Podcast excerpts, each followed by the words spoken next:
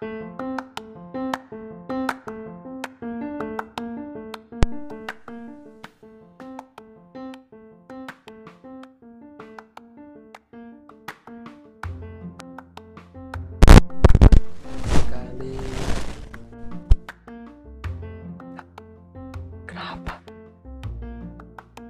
Lagi? Nah gitu dong. Assalamualaikum kawan.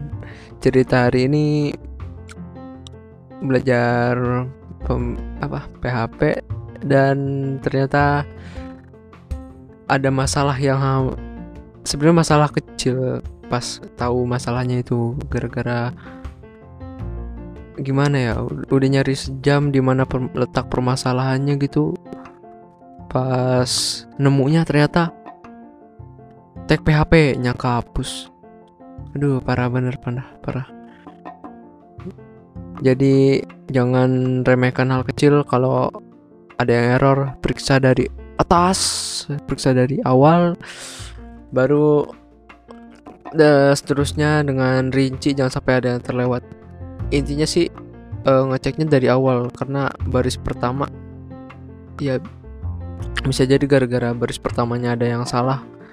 Jadi nggak ke detek kesalahannya gitu. Ya mungkin itu aja assalamualaikum